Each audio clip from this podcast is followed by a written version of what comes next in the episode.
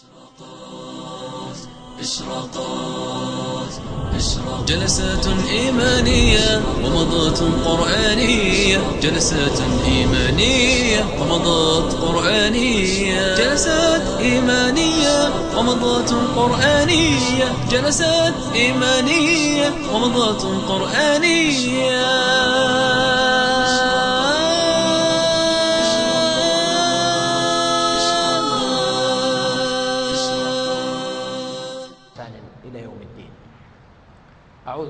الشيطان الرجيم. بسم الله الرحمن الرحيم. قل أعوذ برب الفلق. هذه السورة العظيمة الكريمة هي إحدى المعوذتين اللتين عوذ الله بهما نبيه وحبيبه محمدا عليه الصلاة والسلام. وهذه السورة لها أسماء أشهر أسمائها الفلق. وهو الموجود في المصاحف وغالب كتب التفسير والسنة. ومن أسمائها سورة قل أعوذ برب الفلق وهكذا سماها النبي صلى الله عليه وآله وسلم وهو الموجود في صحيح البخاري وبعض كتب السنة. وهي إحدى المعوذتين أيضا لكن لم تجري العادة أن تسمى بالمعوذة. بمفردها. وإن كان ابن عطية سماها في تفسيره بالمعوذة الأولى وسمى سورة الناس بالمعوذة الثانية. وعدد آيات هذه السورة خمس باتفاق علماء العد. وقت نزولها نزلت بمكة على المختار عند جماهير العلماء والمفسرين. وقيل إن قريشا هموا بالنبي صلى الله عليه وسلم أن يصيبوه بشيء من العين أو الضر. فأنزل الله تعالى هذه السورة وهي مكية على المشهور وهو الصحيح عن ابن عباس رضي الله عنه كما رواه عنه كريب وغيره وهو أيضا اختيار الحسن البصري وعطاء وجماعة المفسرين. وقيل نزلت بالمدينة وهي إحدى الروايتين رواية أبي صالح عن ابن عباس واختارها قتادة وغيره. والذين قالوا نزلت بالمدينة ظنوا أنها نزلت بمناسبة سحر لبيد بن الأعصم للرسول صلى الله عليه وآله وسلم والذي ورد وصح في البخاري وغيره أنه سحر النبي عليه الصلاة والسلام. وهذا غير لازم فإن السورة وإن كانت مكية لا يمنع أن تكون رقية رقى بها جبريل النبي صلى الله عليه وسلم مما أصابه. وقصة سحر النبي صلى الله عليه وسلم معروفة ومشهورة وثابتة في الصحاح وغيرها وفيها أن لبيدا وضع بعض العقد ونفث فيها برقى شيطانية وتعاويذ شركية ووضعها في بئر في المدينة فوجد النبي صلى الله عليه وسلم أثر ذلك عليه في تعاطيه مع بعض قضايا أسرته وبيته حتى أنزل الله تعالى هذه السورة فشفي النبي صلى الله عليه وسلم حتى قالت عائشة يا رسول الله ألا تستخرج هذا السحر؟ فقال أما أنا فشفاني الله تعالى وكرهت أن أبعث أو أن أثير على الناس شرا. وهذا الحديث في عدد من الوقفات. في أولا ما يتعلق بالسحر والذي ورد التعوذ منه في هذه السورة وفي غيرها ووردت الإشارة إليه في مواضع كما في سورة البقرة واتبعوا ما تتلو الشياطين على ملك سليمان. وكذلك في قصة موسى وسحرة فرعون يخيل إليه من سحرهم أنها تسعى. والسحر أمر واقع وله حقيقة وله تأثير في المسحور بإذن الله تعالى. فيؤثر في أشياء كثيرة وهو أنواع منها السحر المؤثر ومنها السحر التخيل كما قال يخيل إليه من سحرهم أنها تسعى أي أن يتصور الإنسان الأمور أنها واقعة بصفة وهي واقعة بصفة أخرى إلى غير ذلك من الكلام الذي يطول وكذلك ما يتعلق بحكمه وكلام العلماء فيه. فالسحر من منه ما هو مكفر مثل أن يتقرب للشياطين بطاعة أو عبادة لله سبحانه وتعالى أو يشرك بهم ومنه ما هو من الكبائر والموبقات كما قال النبي صلى الله عليه وسلم اجتنبوا السبع الموبقات. وهناك أحيانا ألوان مما يسميه الناس سحرا وهي عبارة عن ألعاب خفة اليد والحركة وشيء من هذا القبيل. بل النبي صلى الله عليه وسلم قال إن من البيان لسحرا. فأصل كلمة السحر معناها هو الشيء الخفي اللطيف الذي لا يدرك بسهولة. فلذلك سمي سحرا ومن هنا نقول سحر البيان يعني أن الكلام يأخذ بالعقول والألباب ويغير القناعات حتى كأنه السحر. ولهذا قال النبي صلى الله عليه وسلم إن من البيان لسحرا وقد يقال وكثيرا ما يقال في الشعر وصف البيان أو وصف الكلام الجميل بالسحر. حتى قال الشاعر يصف امرأة يقول يصف كلامها يقول إن طال لم لم يملل. وإن هي أوجزت ود المحدث أنها لم توجزي.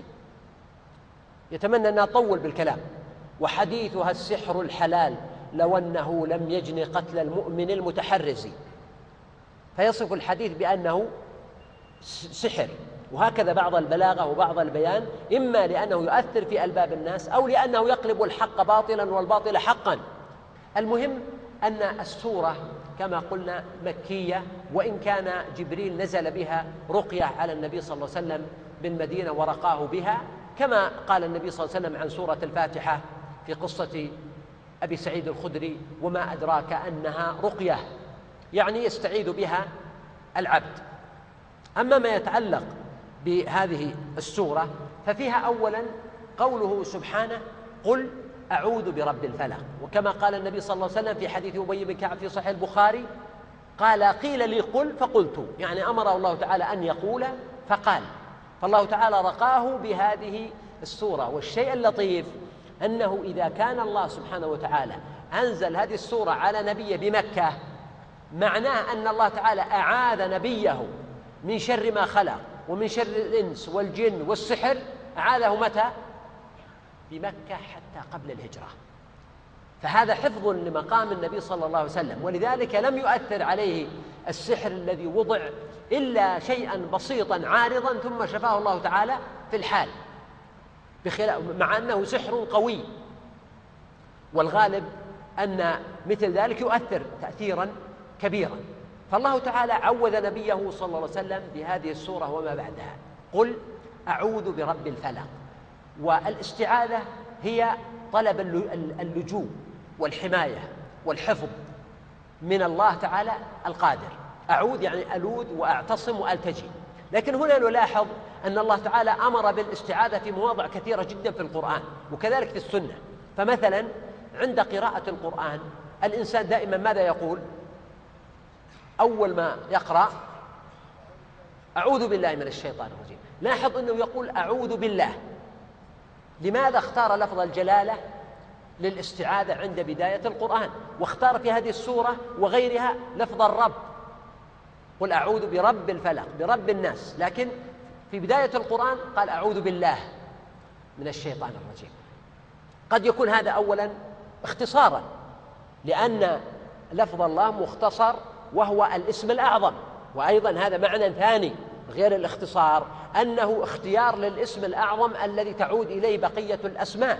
فالله تعالى هو الاسم الأعظم عند طائفة من أهل العلم وهو آه، اسم له جل وعز في مواضع كثيرة من القرآن الكريم. فلذلك آه، الله سبحانه وتعالى جعله في الاستعاذة عند بداية القراءة. معنى آخر أن قراءة القرآن هي عبادة كما هو معروف. والعبادة يناسبها اسم الله لأن الله معناها المعبود المألوه الذي له يصلى ويقرأ. فكأنه إذا أراد أو هم أن يقرأ القرآن ويتلو القرآن ويعبد ربه استعاذ بالله المعبود وهذا مناسب جدا. استعاذ بالله من شر الشيطان الذي قد يحول بينه وبين القراءة أو يلبس عليه قراءته أو يلقي في فهمه وذهنه وعقله من المعاني خلاف ما هو صحيح ولهذا قال الله سبحانه وتعالى وما أرسلنا قبلك من رسول ولا نبي إلا إذا تمنى ألقى الشيطان في أمنيته. فينسخ الله ما يلقي الشيطان ثم يحكم الله آياته. فإذا قرأ حتى النبي إذا تمنى يعني قرأ ألقى الشيطان في أمنيته. يعني ربما قذف في عقله أو ذهنه أو فهمه معنى غير صحيح. فينسخه الله تعالى ويحكم الله آياته. إذا من المناسب أن تكون الاستعاذة أعوذ بالله أن تكون الاستعاذة بهذا الاسم المناسب لمقام العبودية. بينما في مثل هذه السورة العبد يستعيذ من شرور مخلوقات أخرى. يستعيذ من شر الشيطان ومن شر النفاثات ومن شر كل ذي شر ومن شر المخلوقات. ولهذا كان المناسب أن يقرن أو يربط الاستعاذة بالرب لأن الرب هو إيش؟ هو الخالق.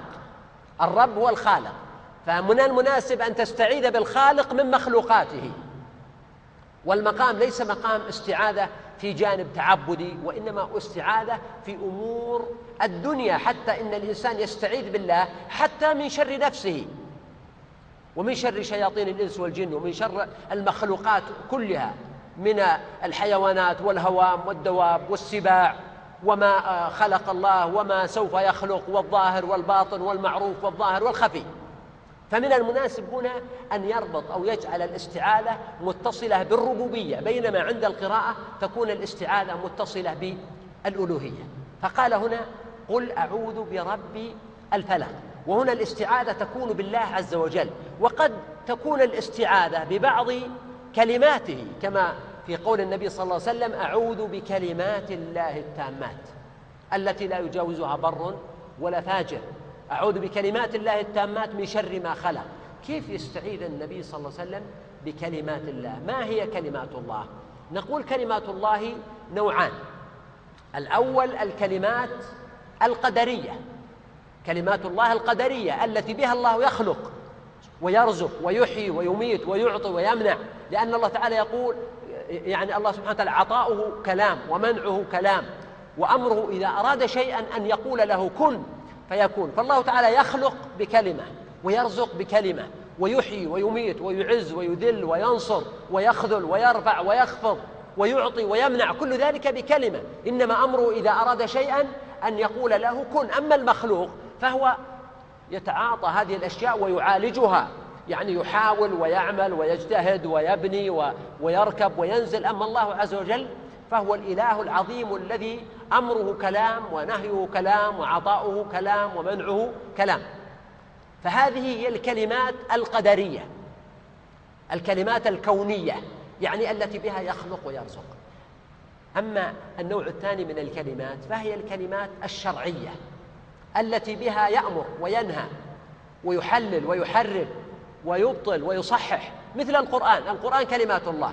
وكذلك ما نزل على الأنبياء كما نزل على موسى وعيسى والنبيين من قبلهم ومن بعدهم. هذا كلام الله تعالى ولكن يسمى كلاما شرعيا. ولذلك الله سبحانه وتعالى يقول وتمت كلمة ربك صدقا و وعدلا. يقول العلماء صدقا في الأخبار وعدلا في الأحكام. وتمت كلمة ربك صدقا في الأخبار. فإذا أخبر الله فقوله صدق. وعدلا في الأحكام فإذا حكم الله فحكمه عدل لا ظلم فيه. فالنبي صلى الله عليه وسلم يستعيذ بكلمات الله تعالى وكلمات الله تعالى من صفاته كما استعاذ بعزة الله. أعوذ بعزتك أن تضلني. فيستعيذ بالله يستعيذ باسمه العظيم ووجهه الكريم وسلطانه القديم وكلماته التامات التي لا يجاوزها بر ولا فاجر. فهنا قال قل أعوذ برب الفلق. ما هو الفلق؟ يقول العلماء الفلق هو إيش؟ الصبح. هذا أكثر المفسرين والعلماء عليه أن المقصود بالفلق هو الصبح. فيستعيذ برب الصبح. ويستدلون بمثل قوله تعالى إن الله فالق الحب والنوى ثم قال سبحانه فالق الإصباح. فالق الإصباح. وفي قصة النبي صلى الله عليه وسلم أول ما نزل عليه الوحي أنه كان لا يرى رؤيا إلا جاءت مثل فلق الصبح. فلق لاحظ فلق الصبح يعني فلق الشمس. ولذلك الصبح يسمى فلقا لأنه ينفلق كأن الأفق ينفتح وينفك فتخرج منه الشمس. ولهذا سمي فلقا. ودائما الأشياء الواضحة سواء كانت أمور علمية أو أمور آه، غير ذلك يقول الناس هذا واضح مثل فلق الصبح. حتى في أمثال العرب يقولون لقد وضح الصبح لذي عينين. يعتبرون أن فلق الصبح دليل على وضوح الشيء. مع أن بعض الناس قد يقول هذا في أمور ملتبسة ولكن بسبب قلة معرفته يظن أنها واضحة. فيقول هذا واضح مثل فلق الصبح. هذا لا يختلف فيه آه، اثنان ولا ينتطح فيه عنزان. أيضا المهم الفلق هو الصبح. هذا معنى. في معنى آخر للفلق وهو أن الفلق كل ما ينفلق لأننا نجد في القرآن نفسه قوله سبحانه إن الله فالق الحب والنوى. إذا سماها فلقا وفلقا. وهذا معروف عند العرب أن كل شيء ينفجر أو ينفك يسمى فلقا. حتى ذكرت لبعض الشباب أنه عندنا دائما إذا واحد ضرب الآخر في رأسه وفجر الدم إيش نقول عنه؟ فلقه. نقول فلقه. هذا الفلق صحيح معناه أنه فجر الدم من رأسه فهذا استعمال لغوي صحيح. فالفلق معناه هو الفك. وبناء على هذا المعنى يكون الفلق له معنيان. الأول معنى خاص وهو الصبح طلوع الصبح وانبلاجه. والثاني معنى عام وهو أن يكون المقصود بالفلق كل شيء ينفتق وينفك ويخرج منه شيء آخر. فيدخل في هذا الصبح يدخل فيها الزهرة التي تتفتح مثلا يدخل فيها الرحم الذي يخرج المولود يدخل فيها الحبة التي تخرج الشجرة النواة التي تخرج التمرة يخرج فيها الظلام الذي يخرج النور يخرج فيها الجهل الذي ينفتق وتخرج منه المعلومات والمعارف إلى غير ذلك مما يتفتق.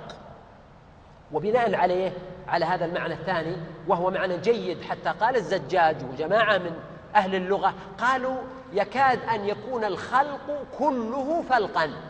يعني لو تأملت الخلق وجدته في الأصل خصوصا الخلق الأصلي وجدته فلقا مثل النباتات كلها الحيوانات كلها هي عبارة عن فلق. يعني شيء ينفتح كما تنكسر البيضة ليخرج منها الفرخ.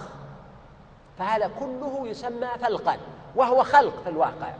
وبناء عليه يكون عندنا معنى خاص وهو الصبح للفلق وعندنا معنى عام وهو الخلق بشكله الأعم الأوسع.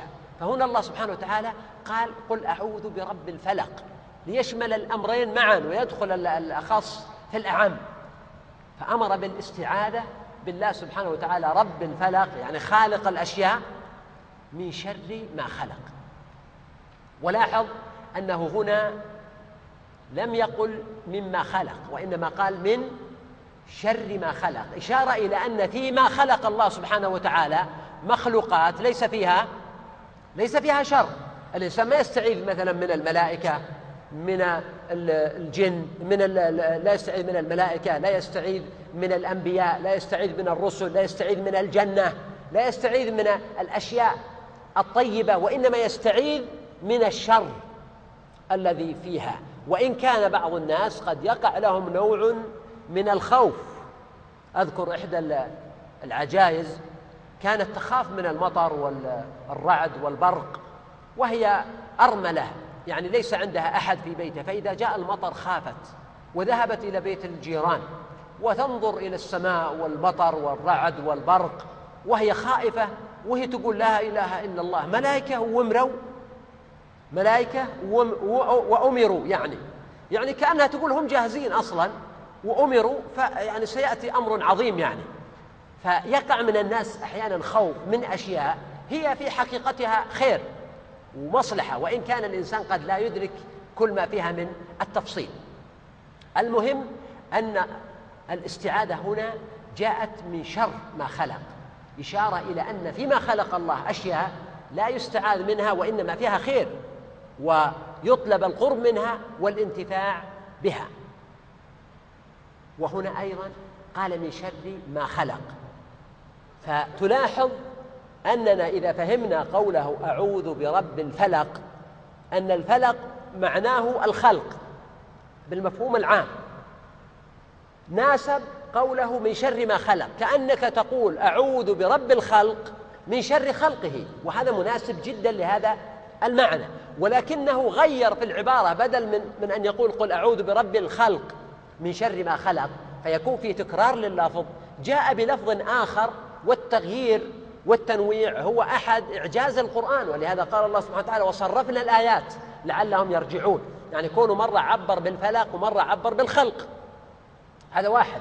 ثانيا أن التعبير بالفلق له دلالة عظيمة لأن كلمة الفلق أكثر تصوير وتحضير للإنسان حتى كأنه يرى بعينه هذه الأشياء وهي تنفلق وتنفتح وتنكسر فيخرج ما بجوفها وما بداخلها فيشاهد الإنسان هذه الحركة ويحس بها ويتصورها ويتخيلها. وهذه الآية لما تبدأ فيها برب الفلق أول ما تبدأ حتى قبل الاستعاذة قبل أن يحدد المستعاذ منه بمجرد ما يقول أعوذ برب الفلق كأنه يعطيك جرعة من التفاؤل والرضا والطمأنينة وانتظار الفرج والخوف وكما يقول ولرب نازلة يضيق بها الفتى ذرعا وعند الله منها المخرج ضاقت فلما استحكمت حلقاتها فرجت وكان يظنها لا تفرج. وكل الحادثات وإن تناهت فموصول بها فرج قريب عسى فرج يأتي به الله إنه له كل يوم في خليقته أمر فيعطي هذا أن يرفع حالة الخوف عند الإنسان وحالة القلق والاكتئاب ويعطيه دفعة من التفاؤل والرضا والإيجابية في النظر إلى الحياة. برب الفلق مثل قوله سبحانه يسأله من في السماوات والأرض كل يوم هو في شأن. كل يوم. يعني حتى ولذلك العرب إيش يقولون؟ يقولون الشدة بتراء لا دوام لها. الشدة بتراء يعني ما تطول لازم تنتهي. ولكن من طبع الإنسان أنه أحيانا يظن الشر سرمدا وهم يحسبون الخير لا شر بعده وهم يحسبون الشر ضربة لازم فيظن الشر سرمد لا يزول. ولا يحول حتى إنك تجد الإنسان أحيانا يكتئب في نفسه وييأس بينما قد يكون الفرج أقرب إليه من يده إلى فيه. فهذا من أسرار اختيار كلمة الفلق. من شر ما خلق. ثم قال وهذا طبعا استعاذه عامة. من شر كل شيء مثل ما كان النبي صلى الله عليه وسلم يقول في دعائه واستعاذته أعوذ بك من شر كل ذي شر ومن شر كل دابة أنت آخذ بناصيتها. طيب. ثم قال ومن شر غاسق إذا وقب. غاسق إذا وقب. ما هو الغاسق؟ ما هو؟ الليل. نعم. الغاسق هو الليل. ولذلك قال الله سبحانه وتعالى أقم الصلاة لدلوك الشمس إلى غسق الليل وقرآن الفجر. ومن هنا قال العلماء إن صلاة العشاء تكون إلى نصف الليل وقت الاختيار بالنسبة لها. إلى نصف الليل إلى غسق الليل يعني إلى نصف الليل. إذا الغاسق إذا وقب هو الليل إذا أظلم إذا اشتد ظلامه. والليل كلما طال اشتد ظلامه. يعني ولذلك يقولون أشد ما يكون الليل ظلاما. متى؟ قرب الصبح. وهذا أيضا بشارة بالفرج. إذا الغاسق إذا وقب. لأن الغاسق هذا هو الظرف هو الوعاء. هو الليل إذا أظلم وغطى كل شيء. هذا من معنى من معاني وقب يعني اشتد ظلام واكتمل الليل يعني ذروة الليل كما يعبرون الآن الغاسق إذا وقب يعني الليل في ذروته. وهذا قول أكثر المفسرين أن الليل هو الغاسق إذا وقب. لكن جاء في حديث عند الترمذي وأحمد وسنده لا بأس به أن النبي صلى الله عليه وسلم مرة أخذ بيد عائشة وأراها القمر وقال لها استعيذي بالله من شر هذا الغاسق إذا وقب أو من شر هذا فإنه الغاسق إذا وقب. وعلى هذا يكون الغاسق إذا وقب ما هو؟ القمر. إما نقول القمر إذا غاب أو القمر إذا كسف وهذا لا يتعارض مع قضية الليل لأن القمر هو آية الليل. وجعلنا الليل والنهار آيتين فمحونا آية الليل. وش آية الليل؟ القمر. وجعلنا آية النهار مبصرة. ولهذا نقول إن القمر جرم منير ومضيء ولا معتم؟ معتم أسود. وإنما النور الذي نراه هو انعكاس أشعة الشمس عليه على ما هو معروف. فالغاسق إذا وقب هو وعاء وظرف لهذه الأشياء.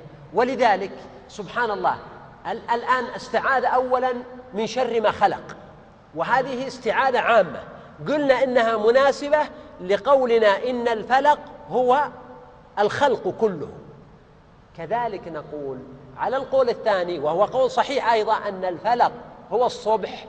هذا يتناسب مع قولنا ومن شر غاسق إذا وقب يعني الليل يعني يستعيذ برب الإصباح من الليل. فكأنه يعني يستعيذ بالله سبحانه وتعالى الذي خلق النور وخلق الشمس وخلق النهار وخلق الضياء من الظلام وأهله وشره.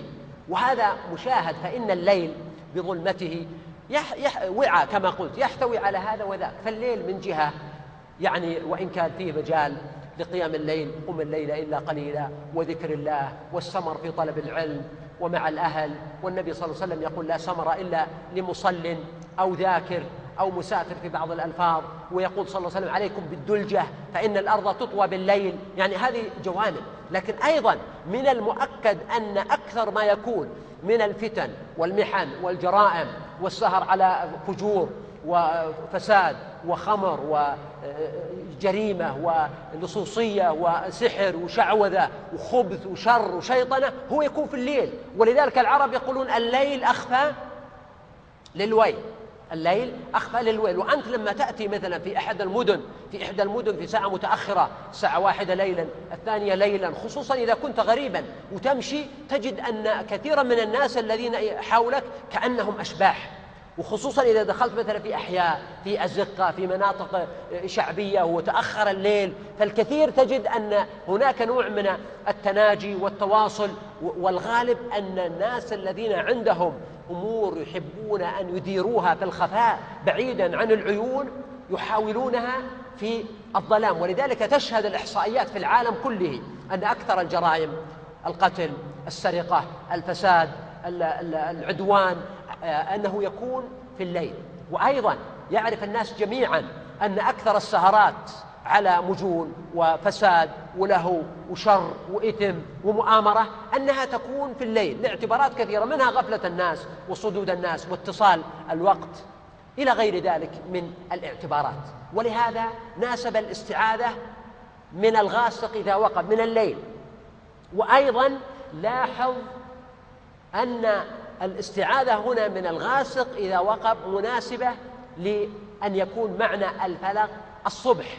فهذا فيه تفاؤل آخر وإن كان فيه إشارة إلى أن هذا الوعاء وعاء يحتوي كثيرا من الشرور لكن فيه تفاؤل لأنه قال أعوذ برب الفلق. فالفلق الآن نسبه إلى الله سبحانه وتعالى ربه بينما الغاسق إذا وقب يعني الشر نسبه إلى الغاسق إذا وقب. ونسبه إلى النفاثات في العقد ونسبه إلى الحاسد إذا حسد يعني الشر منسوب إلى المخلوق. والخير والعوذ والحفظ منسوب إلى من؟ إلى الخالق. والغلبة لمن؟ الغلبة لله. زعمت سخينة أن ستغلب ربها ولا يغلبن مغالب الغلاب.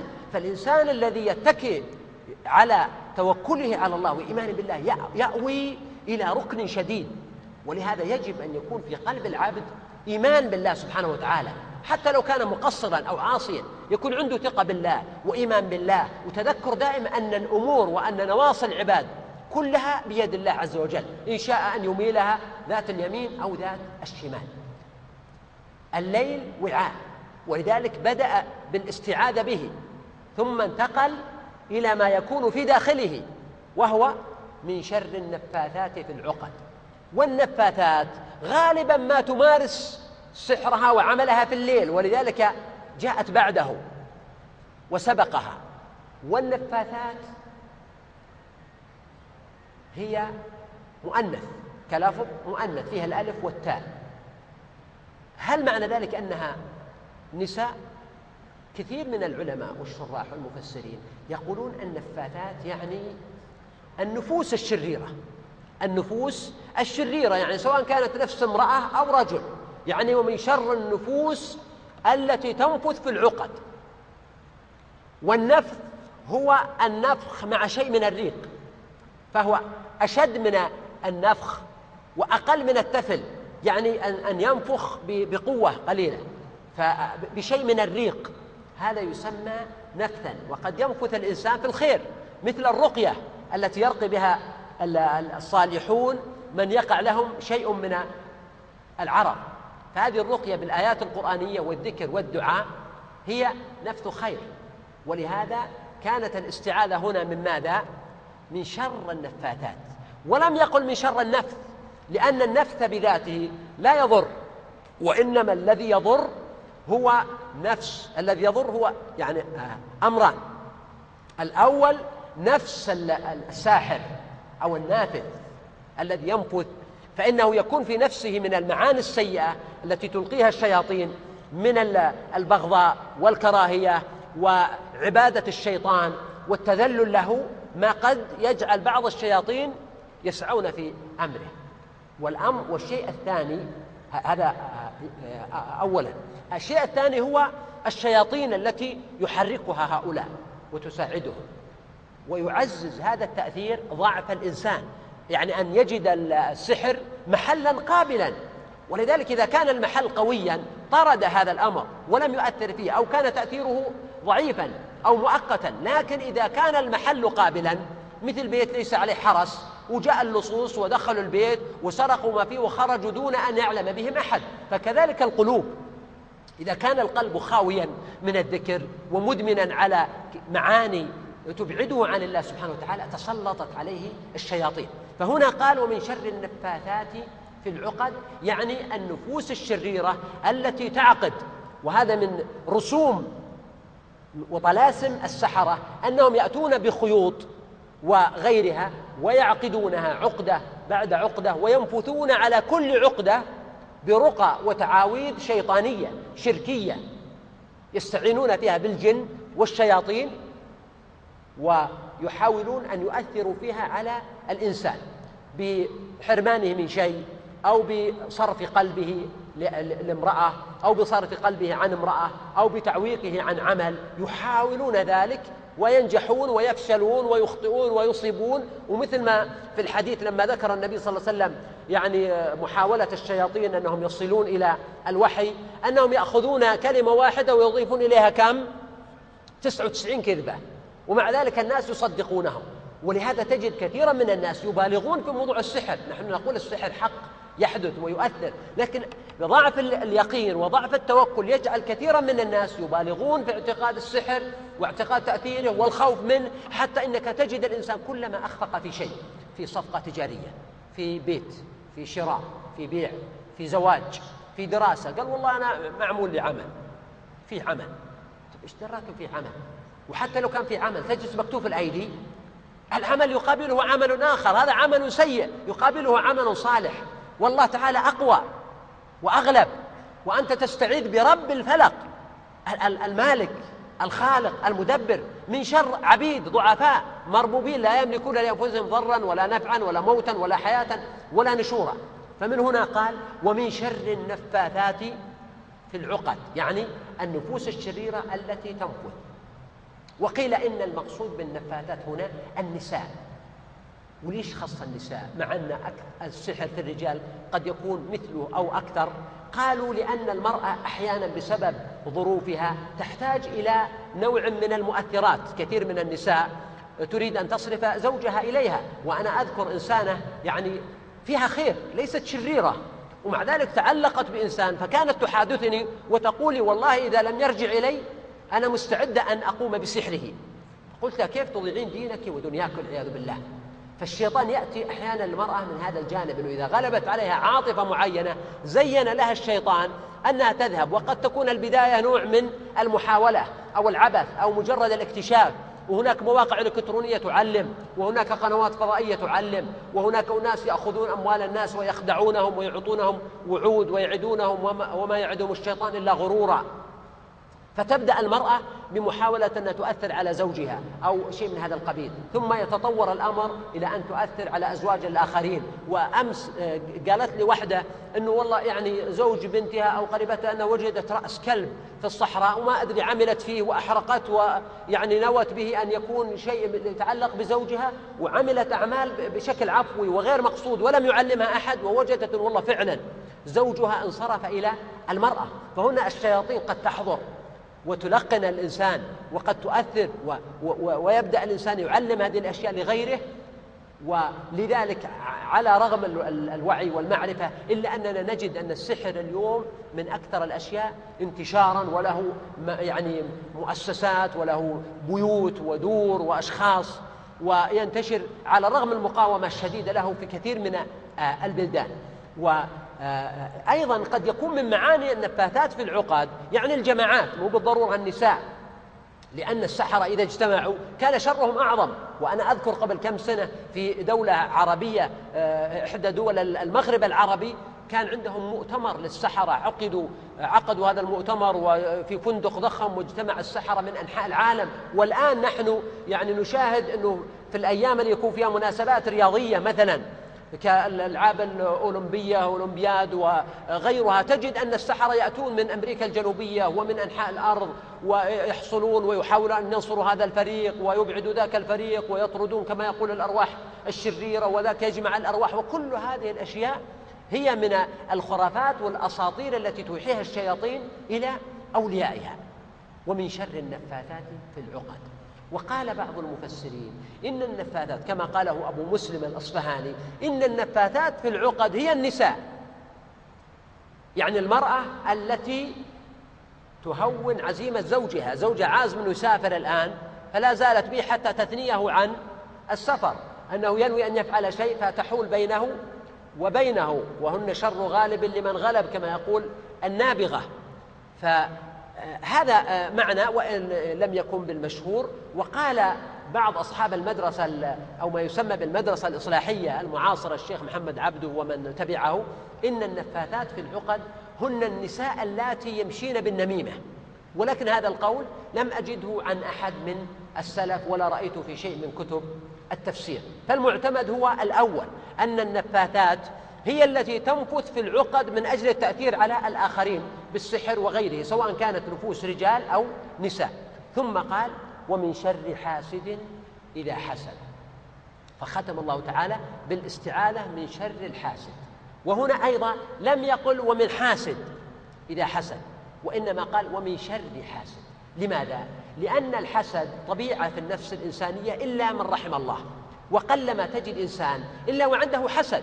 حتى قال بعض السلف ما خلا جسد من حسد ولكن الكريم يخفيه واللئيم يبديه. ومرة قيل للحسن البصري هل يحسد المؤمن؟ قال ثكلتك أمك. فأين إخوة يوسف وهم أنبياء؟ أبناء أنبياء ومع ذلك حسدوا يوسف وكادوا له وحاولوا قتله. فالحسد طبيعة قلما يخلو منها الإنسان والحسد هنا ليس هو فقط يعني رؤية النعمة وإنما تمني زوال النعمة عن الغير. ليس الحسد هو أن ترى هذه النعمة للآخرين ولا الحسد أن تتمنى أن تكون لك أن يكون لك مثلها وإنما الحسد أنك تتمنى أن تزول هذه النعمة عنه. وهنا تلاحظ أن الحسد غالبا ما يكون بين أصحاب المهنة الواحدة والعمل الواحد. طلبة العلم فيما بينهم الدعاة فيما بينهم الطلبة فيما بينهم التجار. في كل صنعة أو مهنة دينية أو دنيوية أو شرعية أو أخروية يتحاسد أصحاب المهنة الواحدة ولا يحسدون غيرهم. يعني تجد طلبة العلم يحسد الواحد الآخر أنه والله حضر عنده جمهور كبير في محاضرته مثلا. لكن ما يحسد مثلا الملاعب الرياضية اللي يحضر فيها عشرين ثلاثين مئة ألف إنسان. ما يقارن نفسه بهم إنما يقارن نفسه بمن كان في مثل جنسه. وأيضا في الغالب أن الحسد يكون بين الناس المتقاربين. يعني إذا كانوا أصحاب متاجر متجاورة تجد أنه لو جاء إنسان اشترى من الدكان بعشر ريالات حسده الآخر على هذا. ويمكن يقول تعال أعطيك بتسعة أو أبيع عليك أحسن منها مثلا. لكنه لا يحسد أصحاب المليارات والمليارديرات وأصحاب الأماكن الضخمة الهائلة كأن هؤلاء تجاوزوا وسبقوا وإنما يقع التحاسد بين الناس الذين يتناظرون وكأنهم في مقام واحد أو رؤوسهم متساوية أو متقاربة. ولذلك هنا قال ومن شر حاسد. وأما إذا وقع الحسد في النفس ولم يمضه الإنسان فهذا لا يضره ولا يضر غيره. كما قلنا بل على الإنسان إذا استشعر معنى الحسد لأحد أن يستعيذ بالله أولا من هذا المعنى وأن يحرص على العلاج. من العلاج الاستعاذة بالله من الشيطان الرجيم. من العلاج أنك تدعو لهذا الإنسان من باب إرغام النفس والشيطان. في سجودك أن الله سبحانه وتعالى يزيده توفيقا وهدى وصلاح. هذا إذا كان الإنسان يريد النجاة. من من العلاج أنك تذكر هذا الإنسان بخير بدلا من أن يحملك الحسد. وقد يكون هذا حتى بين طلبة العلم والمشايخ والدعاة أحيانا والعلماء أنك قد تذكر عيوبه وتنتقده وتنتقصه وتسبه والحجة أحيانا هي الغيرة على الدين وأن هذا أخطأ وقال وما قال. وهناك في النفس في داخل النفس معنى أنت لا تدركه هو الذي يحملك على ذلك وهو الحسد أم يحسدون الناس على ما آتاهم الله من فضله. فبدلا من ذلك عود نفسك وقهرها اشرب اشرب جرعة مرة من الثناء الطيب على هذا الإنسان وذكر محاسنه. مرة من المرات مثلا كنا في مجلس وأسرع بعض الحاضرين وسبوا أحد الدعاة وأنا أعرف أن هذا الداعية إنما وقعوا فيه لشيء من الحسن. فقلت لهم يا أخوة هذا الكلام الذي تقولونه إن كان قاله فهو كما قال الإمام الشافعي ليس من أراد الحق فأخطأه كمن أراد الباطل فأصابه. وهذا الإنسان إن كان أخطأ في اللفظ فقد أصاب في المعنى مراده كذا وكذا. فالإنسان يعود نفسه على أن يكون عنده حسن الظن وحسن العذر والثناء على الآخرين بالخير الذي عندهم. وإذا كان في تصويب يكون تصويب ليس بالهدم والتدمير وإنما بالحكمة والتعقل لئلا يدخل الحسد على الإنسان. ومن هنا قال الله سبحانه وتعالى ومن شر حاسد إذا حسد. يعني الحاسد إذا لم يحسد فالأمر يسير. لكن إذا حسد يعني بدأ يباشر الحسد واستجاب لهذا المعنى وربما حول هذا إلى يعني نميمة أو غيبة أو نقد أو تقويم أو ملاحظة أو ما أشبه ذلك فهنا بدأ الشر الذي يستعاذ منه. هكذا عود الله نبيه محمد صلى الله عليه وسلم بهذه السورة وبالسورة أختها الأخرى قل أعوذ برب الناس من شرور شياطين الجن والإنس ومن شر النفس فإن أعظم شر هو شر النفس فإذا نجا الإنسان من نفسه فقد نجا والنبي صلى الله عليه وسلم علمنا أن أقول أعوذ بك من شر نفسي قبل أن أقول ومن شر الشيطان وشركه. وقال في مطلع الدعاء وخطبة الحاجة نعوذ بالله من شرور أنفسنا وسيئات أعمالنا. فيستعيد الإنسان من الشرور. ابن القيم رحمه الله له كلام أختم به. قال إن درجات الشر ست فبدأ بالشرك ثم الكبائر بدأ بالشرك ثم البدع ثم الكبائر ثم الصغائر ثم الأمور تقديم يعني التوسع في المباحات ثم تقديم المفضول على الفاضل. وهذا التقسيم جيد. ولا بأس به. ولكن بعض الناس يطبقونه بشكل غير صحيح. فيعتبرون مثلا أن كل بدعة فهي أعظم من كل كبيرة بناء على هذا الترتيب. هذا الترتيب لم يرد في القرآن ولا في السنة ولكنه استقراء واستنباط وهو استنباط حسن. إنما نقول ينبغي أن يراعى أن هذا التقسيم ليس على إطلاقه. فبعض البدع قد تكون بدعا خفيفة أو ضعيفة أو مختلفا فيها. وصاحبها لا يقصد هذا. فلا يمكن أن نقول أن هذه البدعة اليسيرة قد تكون مثلا بعض الناس إذا كان يرى تبديع مسح الوجه باليدين في الدعاء مثلا. يعتبر أن هذه أشد من الكبائر. لماذا؟ لأن والله باب الكبائر أشد من باب البدع. لا. نحن نقول إذا تساوى العملان في الشر هنا يكون كون العمل بدعة أشد من كونه ذنبا أو معصية. وأما إذا كانت البدعة خفيفة والمعصية عظيمة فلا يمكن أن أن يقارن هذا. زيادة على أن بعض الناس يتوسعون في لفظ البدعة فيسمون كثيرا من الأشياء بدعة دون أن يتحروا أو يتأنوا. ولذلك أصبحت القضية في كثير من الأحيان يعني فيها نوع من الفوضى وكثير من الناس اختلط عليهم الحابل. بالنابل. النقطة الثانية والأخيرة ما يتعلق أيضا بالحصون فإن الله سبحانه وتعالى جعل للعبد وللقلب حصون تقيه من شر شياطين الجن والإنس. من هذه الحصون الاستعاذة من الحصون قراءة القرآن بالذات من سورة البقرة آية الكرسي آخر سورة البقرة لله ما في السماوات وما في الأرض آه الإخلاص المعوذتين نوازع من القرآن دوام ذكر الله عز وجل تجنب المعاصي والذنوب فإنها تفتح باب القلب على مصاريعه. للشيطان تجنب الأشياء التي تؤثر في القلب ضررا مثل الشهوات إدمان النظر الحرام أو الاستماع الحرام أو ما أشبه ذلك صحبة الأشرار أشياء كثيرة تجنبها يكون وقاية للعبد بإذن الله عز وجل. فمثل هذه الحصون إذا اعتصم بها العبد والأدعية النبوية الواردة في الصباح والمساء عند الدخول والخروج وعند الأكل وعند الشرب وعند النوم وفي السفر والإقامة مثل هذه الأدعية تكون حصنا للعبد بإذن الله تعالى من هذه العوارض التي تعرض له. والله تعالى أعلم. وصلى الله على نبينا محمد وسلم. إشراقات إشراق جلسات إيمانية ومضات قرآنية. جلسات إيمانية ومضات قرآنية. جلسات إيمانية ومضات قرآنية. جلسات إيمانية ومضات قرآنية.